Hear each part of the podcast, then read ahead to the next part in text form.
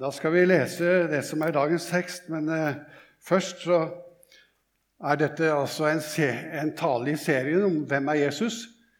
Og vi har hatt flere taler nå. Og Forrige helg så var det Jørn som talte om uh, vinunderet, hadde jeg nær sagt. Underet i Kanaan. Og så har vi hørt flere taler om dette.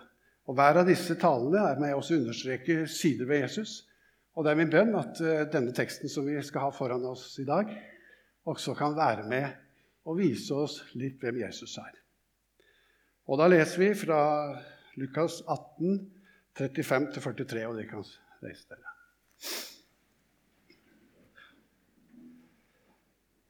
Da Jesus nærmet seg Jeriko, satt en blind mann ved veien og tigget.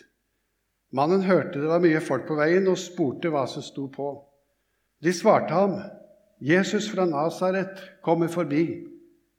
Da ropte han, 'Jesus, du Davids sønn, ha barmhjertighet med meg.'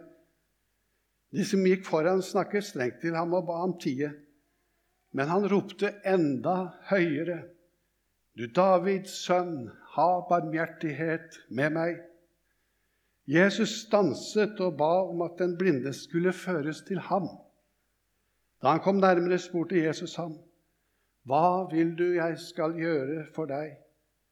Han svarte, 'Herre, la meg få synet igjen.' Jesus sa til ham, 'Bli seende. Din tro har frelst deg.' Straks kunne han se, og han ga seg følge med Jesus og lovet Gud. Og hele folkemengden som så dette, lovpriste Gud. Amen.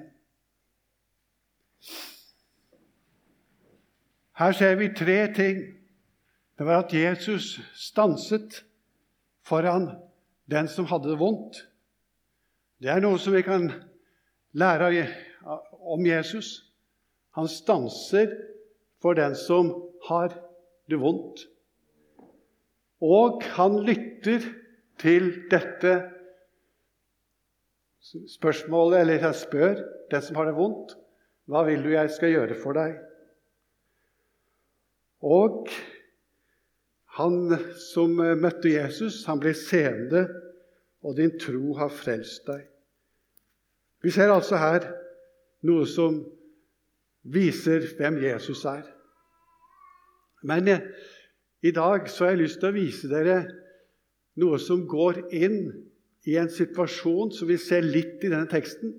Det var et menneske i nød. Og nå har jeg lyst til å vise dere et bilde som er ganske kjent. Det er 'Skrik' av Edvard Munch. Det er et eh, monumentalt maleri som finnes i tre utgaver.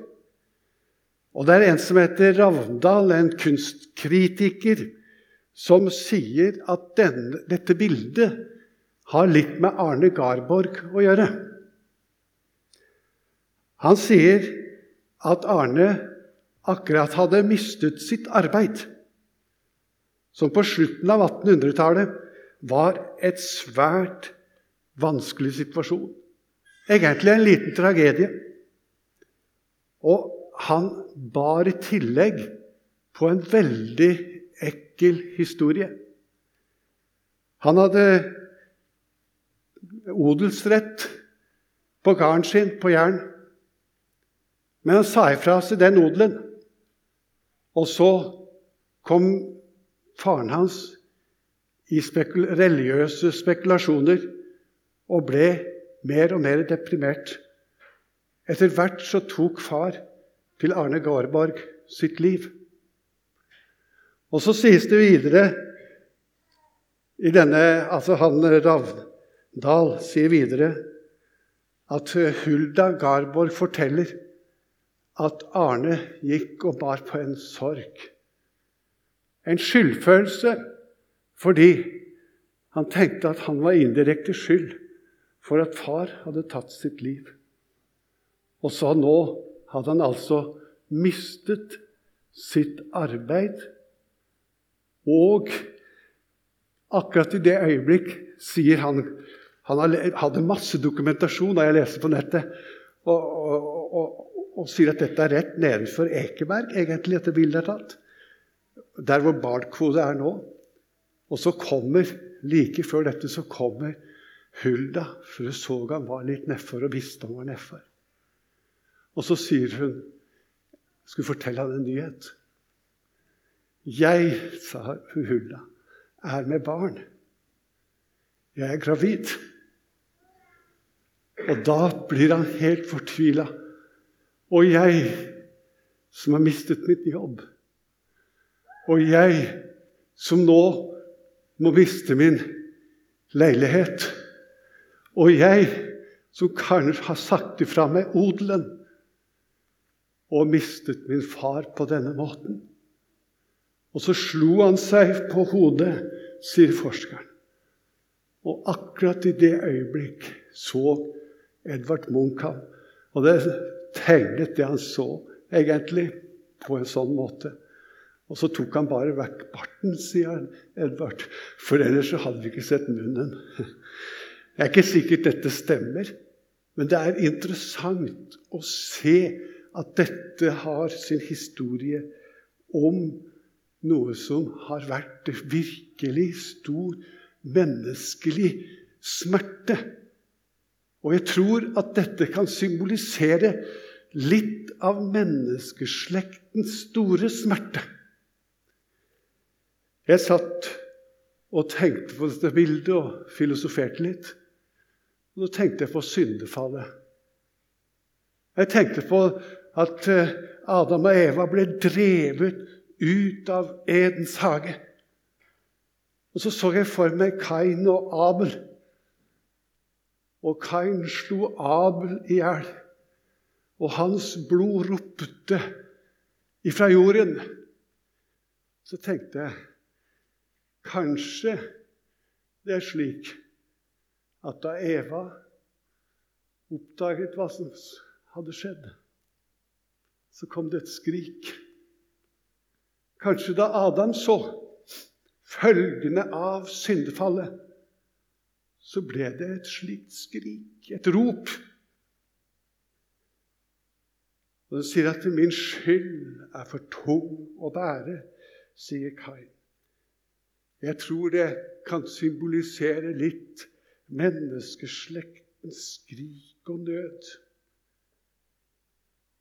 Jeg tror òg at vi kan finne det rundt omkring i verden i dag. Vi ser det i krig. Vi det, så det i holocaust. Det var et skrik som kom fra jorden og oppover. Det var syndefallets følger. Vi ser det i Ukraina og Russland, hvor på en måte blodet renner på marken, og det roper opp imot himmelen, slik som det gjorde første dag. Vi har hørt ifra slekten, ifra generasjoner, at menneskene sulter, at menneskene kriger. Vi har hørt om sykdom, om nød, om smerte, som er en følge av syndefallet. Selv om denne hunger og denne lengsel eller tørst kanskje i våres liv ikke er så erkjent, Kanskje i vårt liv så er det mer takknemlighet for at vi får leve i et sånt land som vi gjør. Ja, vi burde kanskje ha mye av det i vårt land. Men allikevel så syns jeg det ligger en undertone av nød i denne verden fordi menneskene har falt i synd. Og eh, første møte i denne serien så siterte Grete Augustin om den uro som ligger i menneskehjertet. Den lengsel. Det er liksom litt av det samme. Den hunger, den tørst. Og hun sa min sjel er urolig inntil den finner hvile hos deg.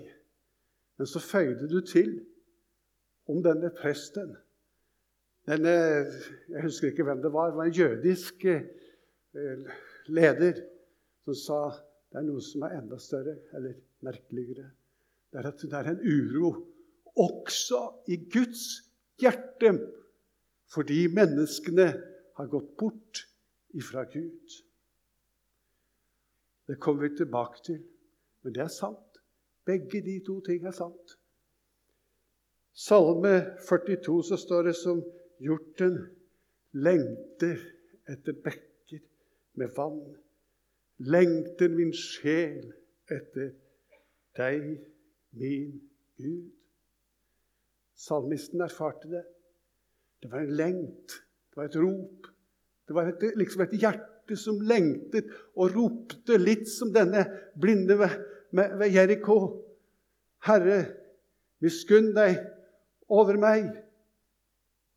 Rope ifra han. Det er liksom kirkens rop også. Kyrie eleison, som ligger i det samme. Herre, se nåde eller miskunn deg over meg. Og et annet sted så står det slik Jeg løfter mine øyne opp mot fjellene. Jeg løfter mine øyne opp mot fjellene. Hvor skal min hjelp komme fra? Er ikke det menneskehetens sitt rop? De løfter opp mot fjellene. Min hjelp kommer fra Herren, himmelens og jordens skaper. Ja, det er et rop. Og kanskje alle de forskjellige religioner også er på en måte et rop. Et skrik etter å finne fram til fred, finne fram til Gud.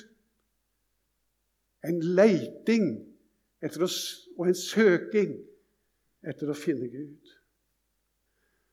Og da er det så godt å vite at Jesus hører den som roper.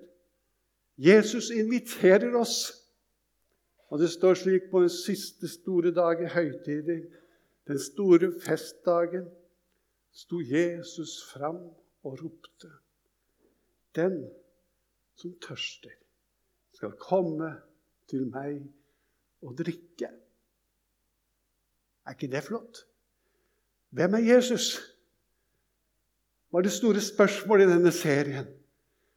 Det er en han som kan gi den tørste det den drikke han trenger. Det levende vann. Han er den som er svaret på dette ropet. Han er den som kan fylle det. Det er derfor vi driver misjon. Det er derfor vi forkynner budskapet om Jesus og sier at det er han som er vår frelse. Han stanset, og han stopper ved alle de som roper på ham. Og han ber oss om å komme, inviterer oss til å komme til seg. Han tok all vår synd og nød, selve følgen av Adam og Evas fall syndefallets følger og straff. Han tok det på seg. Og Derfor så kan han rope ut den som tørster, skal komme til meg og få drikke og finne fred. Jeg har eh, tenkt også på det at i denne tankerekka her så er det slik at den største altså menneskeslektens skrik også forplanter seg dypt inn i Han som kalles for menneskesønnen. Inn i hans hjerte er dette skriket. Og han sier Jeg leser fra Matteus, fra den sjette time, står det. Falt det et mørke over hele landet, helt til den niende time. Og ved den niende time ropte Jesus med høy røst, Eli, Eli, lema sabachthani. Min Gud, min Gud, hvorfor har du forlatt meg? Det er egentlig menneskesønnens skrik fra dypet. Her opplever han konsekvensen av syndefallet og går inn i stedet for oss alle. Det er noe å tenke på. Dette ropet vitner om at han bar menneskeslektens synder. Han er syndebæreren. Når vi leser denne teksten om den blinde ved Jeriko, så har jeg kanskje noen ganger tolket liksom det som en åndelig blindhet og tatt det som et slags utgangspunkt. Og det kan være riktig, det. Jeg sier ikke at det på noen måte er feil. Men somtider har vi en tendens, vi i vår tradisjon, til å overtolke og åndeliggjøre noen av tekstene. Det samme pekte du, Jørn, på forrige søndag når det gjaldt bryllupet i Kanaan. Og jeg tror det er rett. Jeg tror at Jesus vil møte oss akkurat der vi er, og gi oss svar på de bønner og behov som vi trenger. Det er slik at teksten forteller oss om de utfordringer som menneskene har. Og så kom han til Jesus med den utfordringen. Med den, det problemet som, de kjente, som han kjente på. Var, det står at han var blind, og så var han en tigger. Han fikk komme som blind. Hadde en legemlig sykdom. Fikk komme til Gud med den.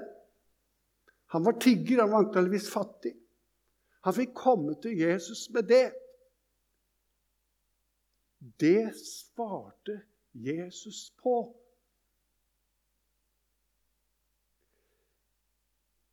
Kanskje det er noe vi skal tenke igjennom. Kanskje det er slik at vi ikke skal åndeliggjøre alt så mye. Kanskje vi skal si til hverandre at du som sliter med en utfordring i ditt liv Enten det er synet ditt, eller om det er noe annet. Helsa di, eller er det utfordringer i, i livet ellers? Det jeg har lyst til å si til deg, det fins ikke en ting som er så lite, som er så smått, at ikke Jesus lytter etter nettopp det du har på hjertet. Du skal få komme til, han, til han med alt uansett hva du sliter med. Sommertider har vi, og nå snakker jeg til oss gamle, kanskje gjort en liten feil. Vi preka en periode om riskristne. De kom fordi de ville ha ris, ville ha mat. Så kom de til kirken. Og da kanskje vi avviste dem litt. Eller vi, kanskje vi snakket om noen som var miljøkristne. De likte seg så godt i miljøet, de trengte det sosiale. Og så har jeg tenkt når jeg leste denne teksten her og nå er det slik at Jesus viser dem bort? Er det slik? Du kan svare selv og tenke gjennom det. Han blinde kom. Han visste kanskje ikke så mye om teologi, men han kom. Han kom til Jesus. Og det jeg har lyst til å si til deg, enten du kommer til Jesus fordi det er det ene eller andre utfordringen du har, så er du velkommen til Jesus med hele ditt liv.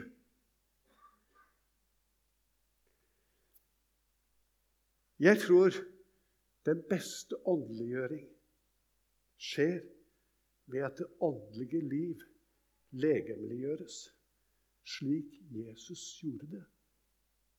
Han fornedret seg selv, og så ble han et menneske.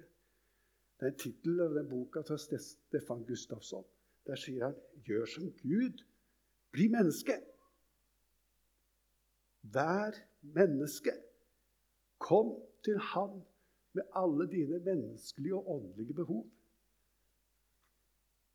Det åndelige materialiserer seg i Kristi kropp. Det er noe å tenke igjennom. Og jeg tror dette er godt begrunnet i Skriften. I Romerbrevet sier det jeg mener at det må lide her i denne tiden som nå er, ikke kan regnes for noe mot herligheten som en gang skal åpenbares og bli vår. For det skapte, står det, venter med lengsel på at Guds barn skal åpenbares i herlighet. Det skapte ble underlagt forgjengeligheten, ikke frivillig, men fordi han ville det slik. Likevel var det håp for også det skapte skal bli frigjort fra slaveriet under forgjengeligheten og få den frihet som Guds barn skal eie i herlighet. Vi vet at helt til denne, helt til denne dag, som i fødselsrier, ja, enda mer, også vi som har fått Ånden, den første frukt av høsten som kommer, sukker med oss selv og lengter etter å bli Guds barn helt og fullt når vi blir satt fri. Jeg skal lese også en av lesetekstene for å understreke at den talen som jeg nå har holdt, den faktisk tror jeg er riktig. Og det er om den nye himmel og ny jord. Og hør, hør nå. Og jeg så en ny himmel og en ny jord. Er ikke det fantastisk? For den første himmel og den første jord var borte og havet fantes ikke mer. Og jeg så den hellige byen, det nye Jerusalem, stige ned fra himmelen fra Gud. Gjort i stand og pyntet som en brud for sin brudgom. Og jeg hørte fra tronen en høy røst som sa:" Se, Guds bolig er hos menneskene. Han skal bo hos dem, og de skal være hans folk og Gud selv skal være hos dem. Han skal være deres Gud. Han skal tørke bort hver tåre fra deres øyne. Og døden skal ikke være mer. For det som en gang var, er borte. Han som sitter på tronen, sa, Se, jeg gjør alle ting nye. Og han la til, Skriv det ned, for dette er troverdige sanne ord. Så han sa til meg, 'Det er skjedd. Jeg er alfa og omega, begynnelsen og enden. Jeg vil gi den tørste å drikke av kilden med levende vann som gave. Her hører vi altså at uh, tårene skal være borte, sorg skal være borte, skrik skal ikke være mer. Og jeg har tatt med et annet bilde, hvis du finner det. Ser du på det? Var ikke det litt morsomt? Det bildet er eh, laget i forbindelse med Munch-jubileet. Og det var sto i Aftenposten. Og det er ikke sikkert, det kan hende dere blir sure på meg. Det ødelegger hele talen. Nei. Den blinde Vet du hva det står om han? Etter at han fikk møte Jesus så lovpriste han Gud. Da var skrik på en måte borte. Da var smerten borte akkurat der. Og en dag så skal vi alle få lovprise ham. Kjære Jesus, jeg takker deg for det at vi skal få lov til å legge all vår smerte, all vår nød og våre innerste rop framfor deg. Så priser jeg deg, Jesus, for at du hører vår smertes rop, og at du gikk inn i vårt sted og tok vår plass, og at en dag så skal det bare være jubel og glede hjemme hos deg.